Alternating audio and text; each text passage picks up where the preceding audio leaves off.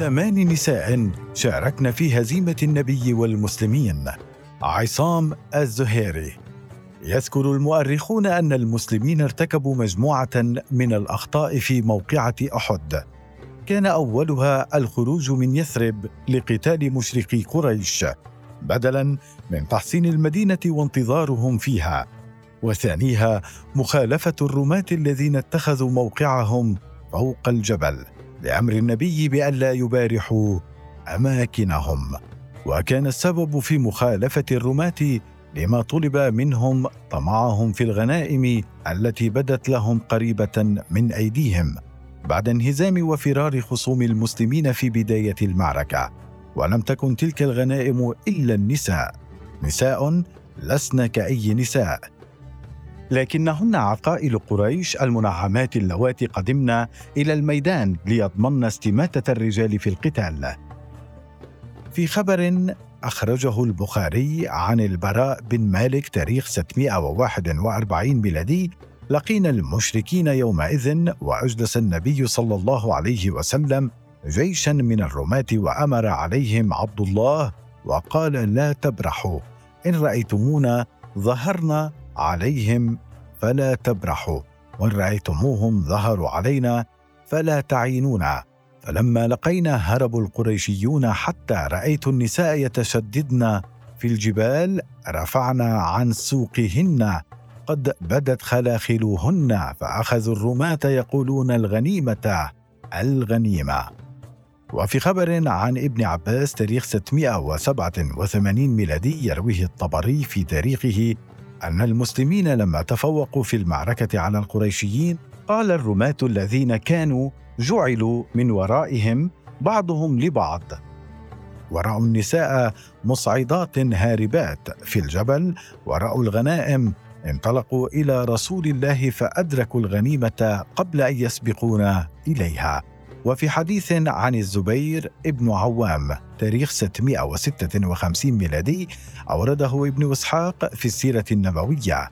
والله لقد رأيتني أنظر إلى خدم هند بنت عتبة وصواحبها مشمرات هوارب ما دون أخذهن قليل ولا كثير إذ مالت الرماة إلى العسكر حين كشفنا القوم عنه يريدون النهب وخلوا ظهورنا للخيل فأتينا من أدبارنا وصرخ صارخ ألا إن محمدا قد قتل؟ فانكفأنا وانكفأ علينا القوم. وكانت النتيجة أن ثأر القرشيون لهزيمتهم في غزوة بدر وكان لهزيمة المسلمين وقع شديد القسوة على نفوسهم. إذ قتل منهم سبعون رجلا بينما قتل من خصومهم اثنان وعشرون وأصيب النبي في المعركة إصابات عنيفة يذكرها حديث أخرجه مسلم. كسرت رباعية سن رسول الله وشج فجعل الدم يسيل على وجهه وجعل يمسح الدم عن وجهه ويقول كيف يفلح قوم خضبوا وجه نبيهم بالدم وهو يدعوهم إلى الله فأنزل الله ليس لك من أمر شيئا. آل عمران الآية 128 وسمى الطبري في تاريخه ثمان نساء من قريش خرجن مع الرجال في غزوة أحد وهن هند بنت عتبة أم حكيم بنت الحارث فاطمة بنت الوليد برزة أو برة بنت مسعود ريطة بنت منبه سلافة بنت سعد خناس بنت مالك تسميها مصادر أخرى أم خناس وعمرة بنت علقمة. وتذكر مصادر تاريخية أن عدد النساء كان أكثر من ذلك. هؤلاء النساء لعبن دورا كبيرا في تحفيز الرجال على الثبات وعدم التراجع أمام المسلمين ولكل منهن قصة في ميدان القتال. بعضها مثير وبعضها مؤلم. هند بنت عتبة. هي هند بنت عتبة بن ربيعة بن عبد شمس القرشية الكنانية. كان أبوها عتبة بن ربيعة وزوجها أبو سفيان بن حرب من سادات قريش وهي أم الخليفة الأموي معاوية بن أبي سفيان. وكانت من شاعرات العرب صاحبات الشهرة قبل الإسلام وبعده. وكان بين هند والمسلمين ثأر غائر سببه مقتل أبيها عتبة وعمها شيبة وأخيها الوليد في غزوة بدر ويروي أبو الفرج الأصفهاني في موسوعته الأغاني عن المؤرخ الواقدي خبر لقاء هند بالشاعرة الرثائية الشهيرة الخنساء ومعاظمتها في مصيبتها. قال فلما أصيبت هند بما أصيبت به وبلغها ذلك قالت أنا أعظم من الخنساء مصيبة. فأمرت بهودجها فسوم برايه وشهدت الموسم بعقاظ وكانت سوقا يجتمع فيها العرب فقالت أقرنوا جملي بجمل الخنساء. ففعلوا فلما اندنت منها قالت لها الخنساء من أنت يا أخي؟ قالت أنا هند بنت عتبة. أعظم العرب مصيبة وقد بلغني أنك تعاظمين العرب بمصيبتك فبما تعاظمينهم؟ وقالت الخنساء بعمرو بن الشريد وصخر ومعاوية. وابن عمرو وقالت وبمن تعاظمينهم أنت؟ قالت بأبي عتيبة بن ربيعه وعم شيبة بن ربيعه وأخي الوليد. ومن بين ما أجابت به هند من الأشعار قولها ابكي عميد الأبطحيين كليهما وحاميهما من كل باغ يريدها. أبي عتبة الخيرات ويحكي فاعلمي وشيبة والحامي الذمار وليدها. أولئك آل المجد من آل غالب وفي العز منها حين ينمي عديدها.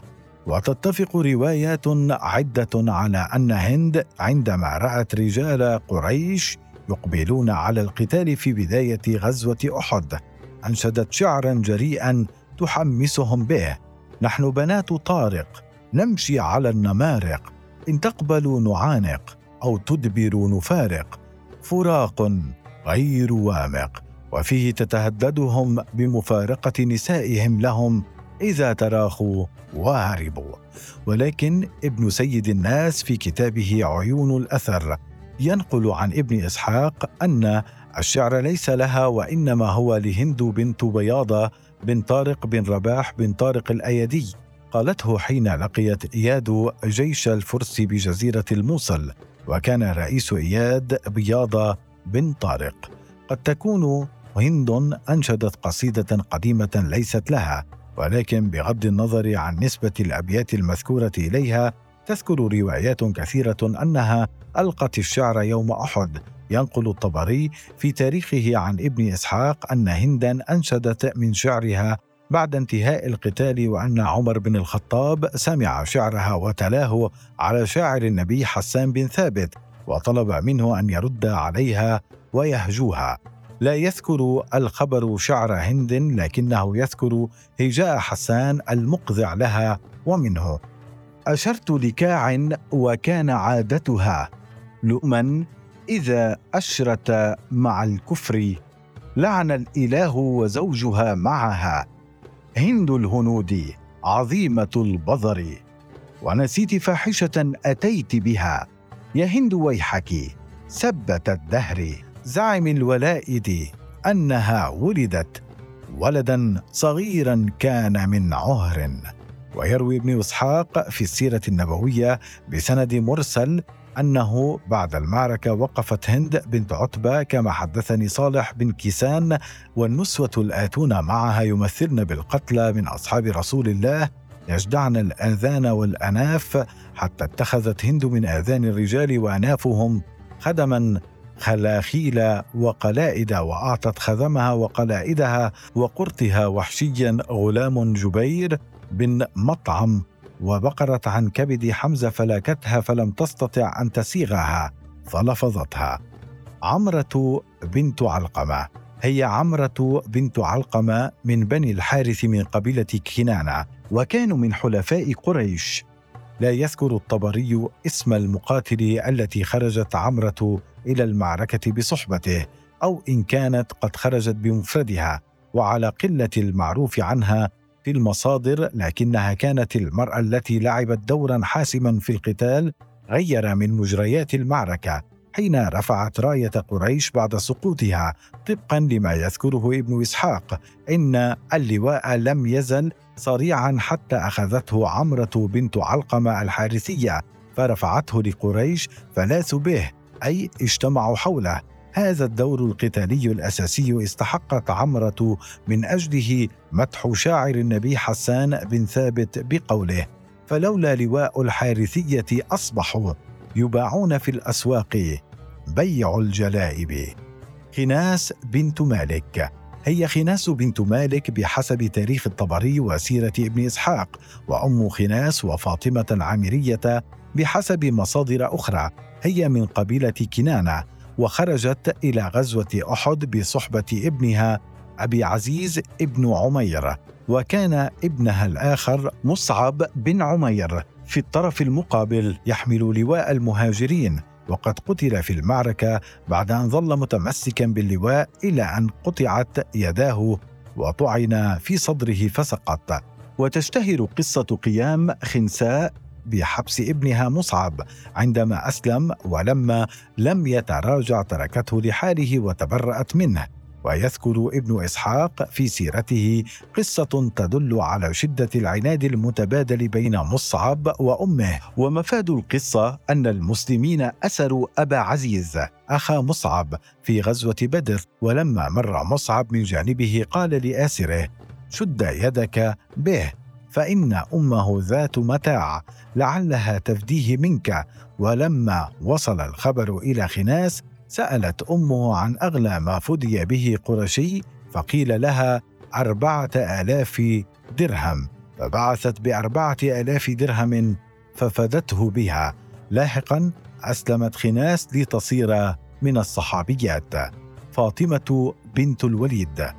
ومن المشاركات في أحد فاطمة بنت الوليد بن المغيرة المخزومية وهي أخت خالد بن الوليد. خرجت إلى غزوة أحد مع زوجها سيد بني مخزوم الحارث بن هشام بن المغيرة وهو كما يرد في كتاب أسد الغابة في معرفة الصحابة ابن عمي خالد بن الوليد وابن عمي حنتمة أم عمر بن الخطاب. قبل ذلك قتل في بدر ابن عمها عمرو بن هشام بن المغيرة أبو جهل والعاص بن هشام بن المغيرة وأسر أخوها الوليد بن الوليد. أم حكيم بنت الحارث هي ابنة فاطمة بنت الوليد. كانت خلال غزوة أحد زوجة عكرمة ابن أبي جهل ولاحقا أسلمت يوم فتح مكة واستأمنت لعكرمة الذي فر إلى اليمن فأمنه النبي وخرجت في طلبه فردته حتى أسلم وبعده تزوجت مرتين الأولى ليوم واحد من خالد بن سعيد والثانية من عمر بن الخطاب الذي ولدت له فاطمة. وأم حكيم سيدة تحكي كتب التاريخ عن شجاعتها.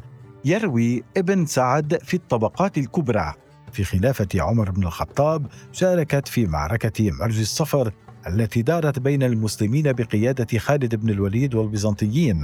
ولما قتل زوجها خالد خرجت وقتلت أم حكيم يومئذ سبعة بعمود الفسطاط الذي بات فيه خالد بن سعيد معرسا بها.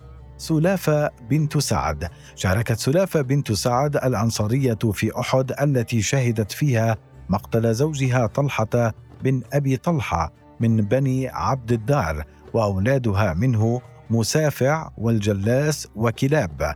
ويروى أنها نذرت حين أصاب عاصم بن ثابت ابنيها يوم أحد لئن قدرت على رأس عاصم لتشربن في قحفه الخمر حسب ما ورد في السيرة النبوية لابن إسحاق وسلافة هي أيضا والدة عثمان بن طلحة. الذي كان يحمل مفاتيح الكعبة. ذكر الواقدي في المغازي أن النبي لما أرسل يوم فتح مكة بلال الحبشي يطلب منه مفاتيح الكعبة طلبها عثمان من أمه سلافة فنازعنه فيها طويلا ثم أعطتها له. برزة بنت مسعود الثقفية. هي زوجة صفوان بن أمية الجمحي القرشي الكناني أحد سادة قريش وهي واحدة من ست زوجات له. يدل خروجها معه من بين زوجاته إلى غزوة أحد على شجاعتها وقوتها لا سيما أنه لا يوجد ذكر لمقتل أحد من أسرتها في غزوة بدر ما يعني أنها لم تخرج طلبا للثأر كغيرها وقد أسلمت مع زوجها بعد فتح مكة. ريطة بنت منبه خرجت إلى أحد مع زوجها عمرو بن العاص أبوها منبه بن الحجاج. قتل يوم بدر كما قتل في المعركة نفسها عمها نبيه وأخوها العاص ابن منبه. ومنبه ونبيه ممن يذكرهم ابن إسحاق بين مطعمي الحجيج في قريش. تشبه قصتها قصة هند بنت عتبة خرجت مع زوجها إلى أحد في ثأر أبيها وعمها وأخيها وهي أم عبد الله بن عمرو بن العاص.